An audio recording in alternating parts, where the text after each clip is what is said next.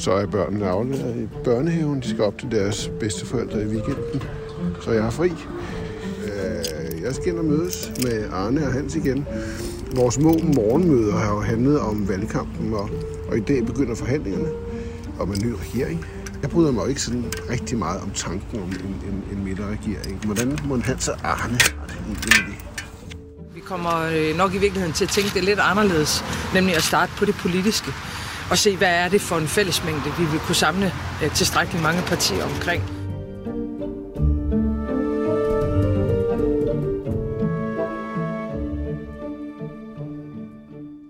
Tror du, han har taget croissanter med Nej, han har ikke for, taget noget. for at fejre det? Jamen, han har sikkert taget en lille gibbernakker med. En, Jeg, jeg, jeg bliver fornærmet, hvis han ikke har croissanter med. Ferne Branca. Ja, men jeg, jeg bliver også sur, hvis han har croissanter med, for det kan jeg jo ikke tåle at spise. Nej. Så hvis han havde taget Ferne Branca med... Så du er helgarderet i forhold til at blive krænket? Ja, ja jeg, jeg står på det. men Det er der ikke. Han har tomme hænder, så han har jeg, ingenting med. der er ikke nogen Ferne Branca. Der er Jeg troede, du havde croissanter med, eller Ferne Branca, Øh, hvorfor det? Fordi, fordi det er den sidste. sidste Det udsendelse. er den absolut sidste. Nå, men vi skal jo lige igennem den, før vi fejrer det. Ikke? Vi skal Okay. jo lige se, hvordan det går. Ja. Øh, godmorgen til jer. Godmorgen. Er I på Godmorgen, toppen? godmorgen. Nej, Kan I mærke slitagen? lige, Ja. hen, lige, hen, lige, meget hen over, grad. lige hen over toppen, tror jeg. Det føles nærmest som flere hundrede år siden, i sådan politisk tid, øh, siden vi stod her sidst. Øh, har, har I nogensinde oplevet noget lignende efter et folketingsvalg? Øh, nej, jeg kan ikke lige komme på så øh, kompliceret en situation, hvor der øh, ikke rigtig er klarhed over, hvordan regeringen kan se ud, og der er nærmest jo heller ikke klarhed over valgresultatet, sådan helt 100 procent i hvert fald. Ja, Ja, og der er kommet mange partier ind. Jeg, jeg tror også, det er, er historisk. Og så er der det, som Hans antyder, at der er sådan en piblende debat om, om vi overhovedet skal anerkende valg- valgresultatet. Det, det plejer vi jo heller ikke at have en diskussion om. Der er jo elementerne i, i det er jo, at det er 400-500 stemmer i Nordsjælland, der, der til synlandet har afgjort det. Øh, det endelige valgresultat kommer først senere her fredag. Mm. Øh, har I det sådan, at det, er, det, det godt kan tippe, eller hvordan er stemningen? Jamen, det er jo ikke noget, man har nogen mening om. Man, man, man kan jo bare høre, at dem, der har forstand på det, siger, at de tror ikke, at det vipper noget.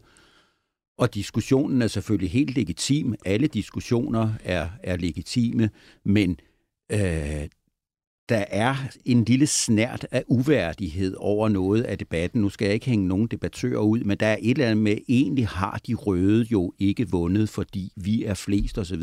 Vi har stemt på de valgregler, der gælder i Danmark, og vi får resultatet ud fra de valgregler, der Men- gælder i men- Danmark. men- men- og så må vi se, når, når de får finjusteret og fintalt det aller sidste her om hvad, et par timer, Ja, så ser vi, hvordan det ligger. Kunne I forestille jer, at altså, hvis det nu ender sådan, og det kunne det jo tyde på, at, øh, altså, at der er flere vælgere bag oppositionen, inklusive Lars Lykke, end der er bag den røde regeringsblok. Det, altså, det er meget specielt. Og hvis det holder, så altså, betyder det, at Mette Frederiksens position bliver sværere? Eller? Nej, nu kan jeg sige, det er jo, altså, så henregner man Lars Lykke til den blå opposition, hvilket han meget klart har bedyret, at han ikke gør. Så den blå opposition har stadigvæk haft et dårligt valg. Der er jo ligesom to diskussioner i det her. Der er den der sådan lidt forurettede om, gælder grønlandske stemmer, gælder dit og dat og dut, og har vi fået flere stemmer. Og så er der jo den helt reelle, som jo nu, der sidder kloge mennesker og afklarer, mm. har vi brugt regel, den regel rigtigt? Og den er jo helt legitim. Selvfølgelig skal man tjekke det helt til bunds. For den ligger jo et stykke væk fra, den diskussion her ligger et lille stykke væk fra, fra jeres øh, vinklen på jeres forsideartikel, som jo er ledsaget af en tegning af Gitte Skov, og jeg vil ønske, jeg kunne vise jer den sådan direkte... Øh, Prøv at holde den op for en mikrofon. for en mikrofon. Mm. Det, er jo, det er jo sådan videre de syv små dværge, og det er jo Mette Frederiksen, der er sådan videre, og så er der de syv små dværge, og hun står med en meget lille Lars Løkke i hånden. Men det er resultatet. Det Ja, er det- sådan, det er det- landet. Det er sådan, det ser ud i dag, og det var sådan, det så ud i går, da vi skrev artiklen færdig. Der er jo andre af den slags diskussioner, som er lidt sådan fædre til dem. Stemmespil, hvis man har en meget stor tilbage i 80'erne venstrefløj, som lod mange mandater ligge syd for spærregrænsen, fordi de ikke kunne holde sammen. Den er et andet sted, ligesom også de grønlands færøske mandater. Det vi må lægge til grund, det er selvfølgelig det, vi ved nu, og det er, at Mette Frederiksen med det yderste af neglene har skrabet 90 mandater sammen bag, at det er hende, der sidder med styrepinden i den videre proces. Og den skal lede os frem til en midterregering, siger hun i hvert fald. Bare helt kort, for vi vender tilbage til det. Tror I på, det ender med en midterregering, det her?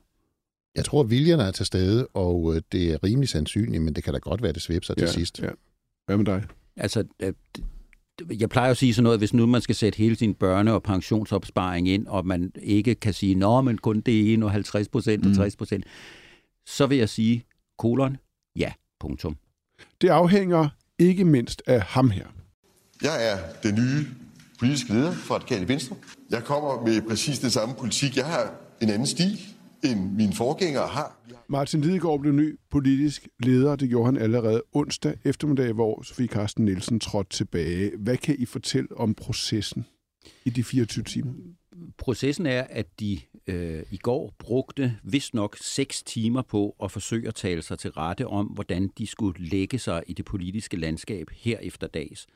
Der er, ifølge det de selv siger, enighed om, at han skal være nummer et, og at Samira Nava skal være nummer to. Det, som de tydeligvis ikke har fået talt igennem, det er, hvordan forholder de sig til det her ulyksalige, ultimative krav, som har samlet sig om Rwanda-spørgsmålet. Og der bliver Lidegaard strippet for fuldt rullende kamera, og bliver nødt til at stå og række hånden i vejret og sige, at han går også ultimativt ind for, eller er ultimativt imod øh, Rwanda. Er det et ultimativt krav? Så kan I tage flere her billeder. Er det ikke fedt? Der er nogen, der ikke kan lide ordet ultimativt krav, så måske ja. kalder vi det forskellige ting. Jo. Han kunne have rakt den anden arm op, også så han kunne have sagt, jeg overgiver mig. Han får en helt elendig start ja, der. Men, men, men de sagde jo trods alt det her først. Er der helt og aldeles enighed om, at det er dig, der skal være politisk leder for Radikale nu? Det er der. Vi har brugt dagen på at tale os sammen, og på den måde har det egentlig været en, øh, en stærk oplevelse, synes jeg, tror jeg godt, jeg kan tillade mig at sige, øh, hele vejen rundt. Der er helt enighed, og det er stærkt. Ja, altså Lidegaard er en meget stærk og meget kompromissøgende og meget dygtig leder, men her er han altså i fuld offentlighed blevet underkendt af sine egne og blevet tvunget til at sige, at han er ultimativ på Rwanda. Det kan godt være, at de kan komme ud af det, men han er altså startet med i løbet af 10 minutter at blive rullet ind i det ultimative. Der gik jo trods alt mange måneder før Sofie Carsten Nielsen blev rullet ind i det ultimative. Men, men der var jo heller ikke, altså man kan sige, der var enighed. Øh, han siger, der var enighed, der var enstemmighed, men der har jo været en proces frem til det, hvor man hele dagen kunne høre, at der var flere muligheder. Mm. Der var også Christian Friis Bak, der var også Samir Nava, og, og, og, og man er jo så siddet og kigget, hvem støtter hvem, hvem øh, går ind for hvem, og så ender man med at ikke lave en afstemning, fordi man men, selvfølgelig godt kan øh, inden for syv mennesker regne ud, hvordan støtten er. Men det kan vel blive afgørende der, for det, der var så tydeligt og underholdende på en meget sådan tokrummende måde, det var jo, at Martin Lidegaard kunne ikke holde ud og bruge ordet ultimativt. Mm. Han sagde, at vi kan ikke se os i den pakkeløsning eller et eller andet retning. Ikke? Og så ender det med, at de enstemmigt vedtager ordet ultimativ. Nu skal han så op og tale med, med Mette Frederiksen i, øh, i de forhandlinger, der begynder øh, nu og i dag. Hvis de radikale har det som ultimativ krav, hvilket de jo nu har, at vi ikke får en Rwanda-model, i en ny midterregering. Hvad så? Jamen, så, så kan vi jo rulle filmen langt frem og sige, nu laver vi et scenario, hvor der kommer en bredere regering, hvor de bliver tilbudt at træde ind i den. Øh, så kan det være, at de kan svælge deres skam. Det kan også godt være, at den er blevet forhandlet ud ved hjælp af andre stærkere kræfter fra andre partier, der skal være med. Så det spil er ikke overstået. Vi kan bare konstatere, at han lige efter startkanonen har, har lyttet, snubler i sine egne gruppefælders øh, manglende lyst til at give ham opbakning. Men, men det, det er jo rigtigt, øh, så var han siger, vi, vi må se, hvordan det andet bliver, fordi sidder Mette Frederiksen har fået Venstre med, har fået Moderaterne med, øh, og, og hvem ved, hvad hun har fået med. Og alle siger, at vi kan godt leve med Rwanda-modellen. Og så tilbyder man de radikale, I må sådan set også godt være med i hulen, men øh, så er det sådan her, klaveret spiller. Kan vide, om så ikke de finder en udvej. Er, betyder det noget, tror jeg, at det er ham, der nu sidder som leder af de radikale? Ja. Eller, eller gør det ikke? Ja, det mener jeg helt tydeligt, det gør. Han har en helt anden approach til, til politik. Men det er klart, at hvis ikke han er fri, Hvis ikke han har opbakning for Mm. gruppefælder, så kommer det til at betyde mindre. Men i det her spil, vi står og siger, nu har vi set frem mod en, en meget bredere regering, der er jo også formuleringer, der kan hjælpe, at man i en europæisk sammenhæng vil søge en løsning, og flere dominerende Ja. ja. EU-lande skal være med. Sådan har man tænkt før, før man fik rullet sig ind i det her ultimative tæppe, som man altså ikke kan komme ud af. Vi talte om i går, øh, Hans, om, om hvordan Socialdemokraterne reagerede på, på Martin Lidegaard som den nye øh, forhandlingspartner. Ikke? Jamen, de var jo ved at slå ham ihjel, inden han blev valgt. Hvordan? Fordi de sådan anonymt og til forskellige netmedier nærmest var begyndt at juble over, hvor godt det ville være med ham, og så kunne man rigtig lave løsninger med Mm. ham, og, med, og han var meget nemmere at forhandle med. Og det er jo det værste, man kan sige om en kommende partileder, det er, at han er, han er skulle til at snyde ham der, ikke? fordi øh, ham kan vi godt få med på alt muligt. Så er han jo allerede så kigger de andre jo øh, mistænksomt på ham og tænker, skal vide, om det skal være ham, fordi hvis han er så let til salg, som, Det er, som jo, sosserne siger. det er jo de magtfuldkommende socialdemokrater. De er ikke i stand til ligesom at, at tænke, at der er andre i rummet, som også har interesser så at kan, vi, forfægte. så, så kan vi kende dem igen. Ja. Øh, bare kort, hvilken rolle kommer de radikale egentlig til at spille i de her forhandlinger? Hvad er deres rolle i de forhandlinger, der måske kan strække over lang tid? Jamen, de, de har jo den helt afgørende rolle, som man har det med at overse, når man diskuterer det her. Og sige, når man, Mette Frederiksen, så falder hun bare tilbage på sit røde. Jamen altså, deres syv skamslåede mandater er altså stadigvæk forudsætningen for, at hun har flertal. Og hvis de tør stå på de syv mandater, så har de jo den rolle, at de kan påvirke hele processen, mm. fordi hun har ikke et rødt flertal. Hun har 90 mandater bag sig, men de radikale kan jo gøre, så at sige, hvad de vil, hvis de vil noget. Mm. Hvorfor vil Mette Frederiksen have en bred regering? Jeg er med på det, du siger der med de radikale, som siger, at vi først skal afsøge hen over midten. Men hun har sagt det i hele valgkampen. Og det første, hun sagde på valgaften, måske det andet eller tredje, det var, at vi skal forsøge afsøge, som det hedder, en bred regering. Hvad er hendes interesse i det? Hun har flere. Øh, men i hvert fald har hun det, at øh, hun sidder jo på et meget, meget spinkelt flertal. Hun skal jo have Øh, øh, grønlandske mandater med. Det ene færøske mandat, som allerede har sagt, at han skal i hvert fald have noget øh, for at være med. Øh, der må ikke være en fra Alternativet, der undervejs bliver løsgæng eller noget, så er det hele smuldret. Det er et meget, meget spinkelt grundlag at stå på et et-mandat flertal. Samtidig med, at vi som politikere siger, kigger ind i, med den for, forfærdelige formulering, øh, alle mulige kriser, øh, krig, øh, inflation, energipriser osv. Det vil være rart at have nogen at være sammen med og have et bredt flertal at kunne regere på. Og så, så er der jo det helt banale, som du selv lægger ind i dit øh, spørgsmål. Hun har jo sagt det i valgkampen. Mm. Socialdemokratiet gik til valg på at danne en bred regering. Hvis et flertal af partierne peger på mig som kongelig undersøger, så vil jeg afsøge, om det kan lade sig gøre.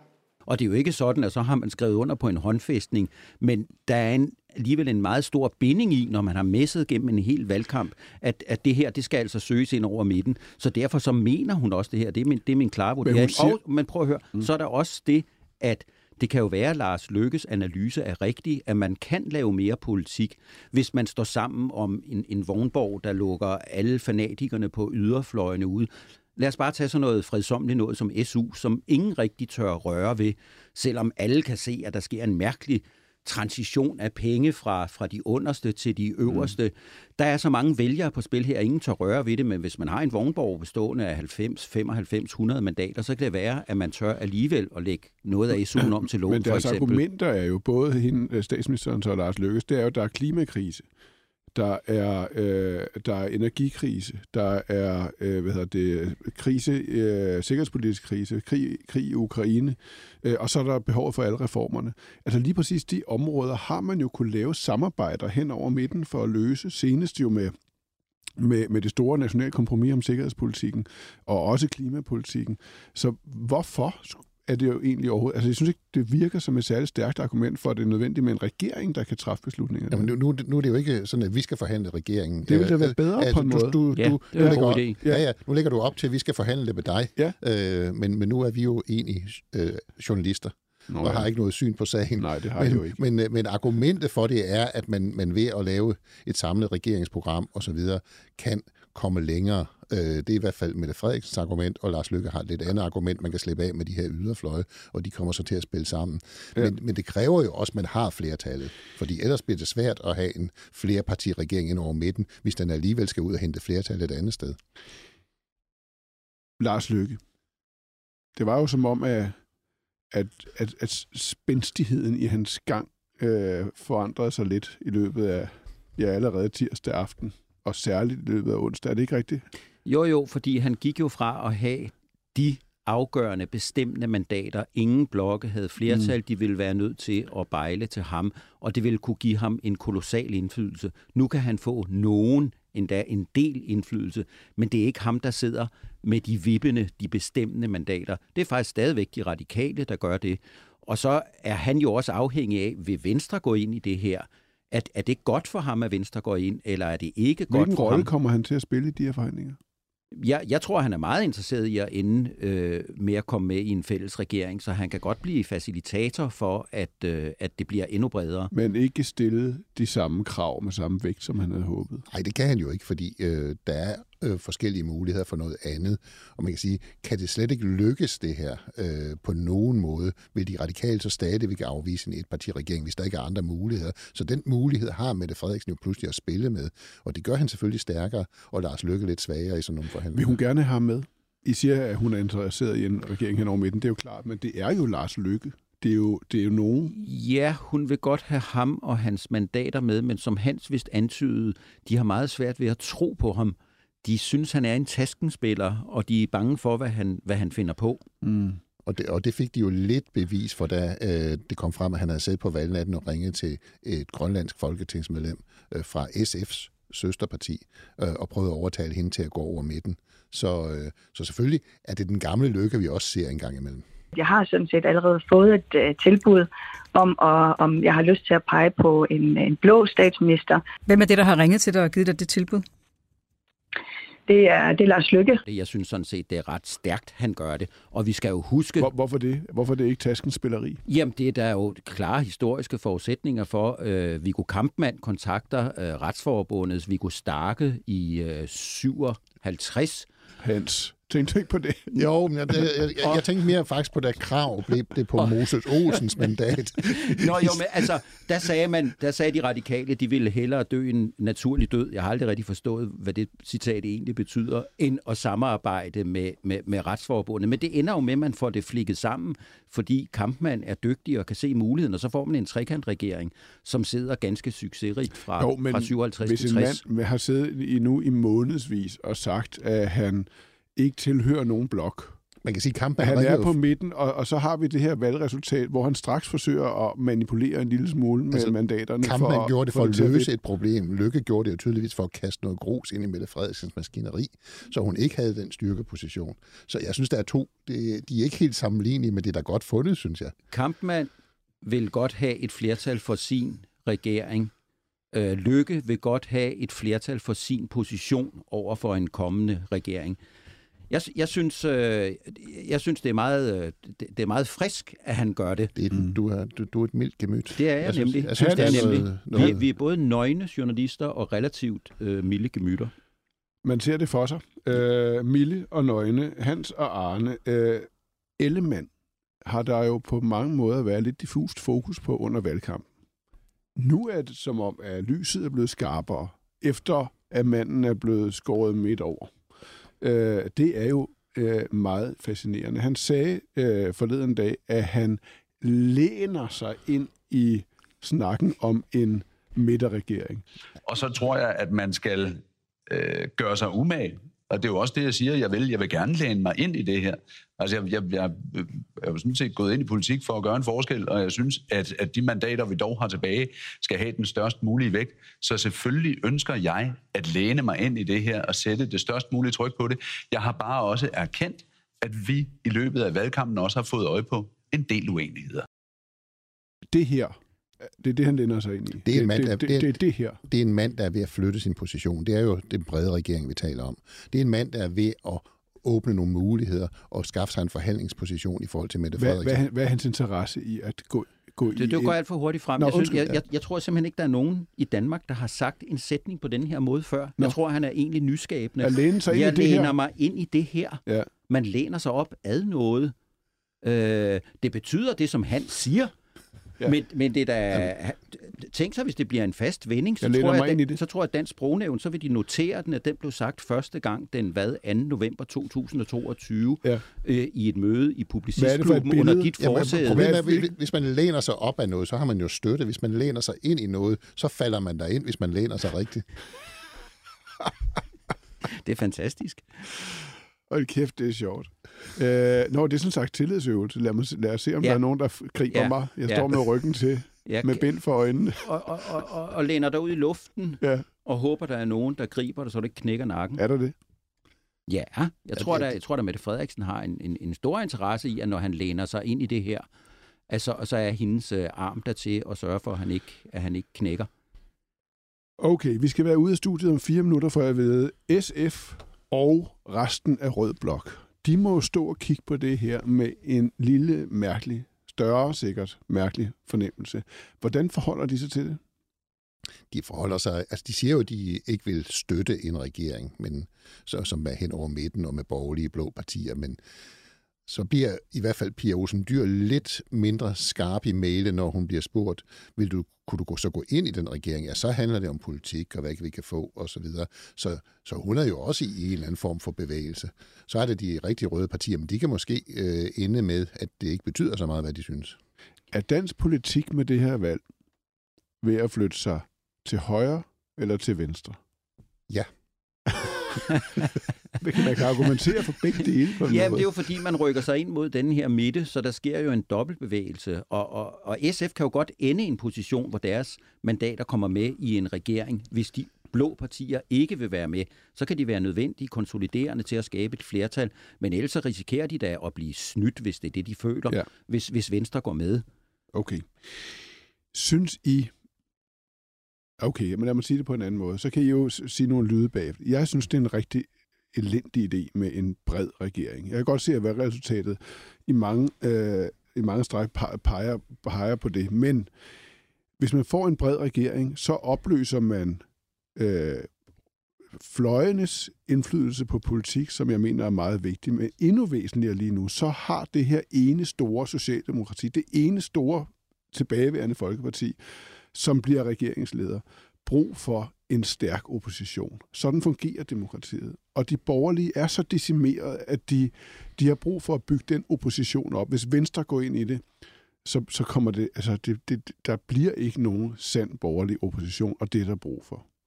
Hvordan lyder det i jeres ører? Det lyder som et... Øh, Ledersynspunkt. Et Ja, lederstandpunkt. men, ja. men også, også et rigtigt argument, men der er også rigtige argumenter for det andet. Altså, det er jo øh, en politisk diskussion, der lige nu er kørende, og det er ikke uden risiko for borgerlige partier at gå ind i en bred regering, for de, for, de risikerer at forsvinde, men det er heller ikke uden risiko at sætte sig ud på sidelinjen i meget lang tid i endnu en valgperiode, som Venstre, der har været øh, et parti, der har været i regering meget af nyere tid, og sige, nu er vi helt udenfor, nu er vi igen opposition i en ny valgperiode, øh, ende som et, øh, et vredt fløjparti. Det Mm. duer heller ikke for Venstre.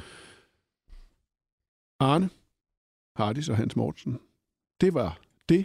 Det, det, er var, slut. det, det var det planmæssigt sidste program. Det var det absolut det var så sidste. det. Det var Det var det. Det var Det var det. det. Tak så er den nu. ikke længere. Tak skal I have, og tak til Birgit Nielsen Petersen og Pauline Nysted, der producerede, og til rettelag, og tak til jer, der lyttede med. Så er I jo frie på Det en måde. Øh, Ja. Hvad skal I lave i weekenden? Skal I på bogforum? Nu Ja. begynder Ja. tilværelsen at handle om noget andet. Ja. Det skal du. Ja, det skal Dejligt. Ja, ja måske. Hvilken dag? Det er søndag. Nå, jeg først skal, på eftermiddag. jeg skal lørdag hele dagen. Hvad med dig? Jeg, jeg ved ikke rigtig, om jeg skal. Jeg, jeg har ikke nogen rolle at spille, og jeg bryder mig ikke om at være steder, hvor jeg ikke har en rolle at spille.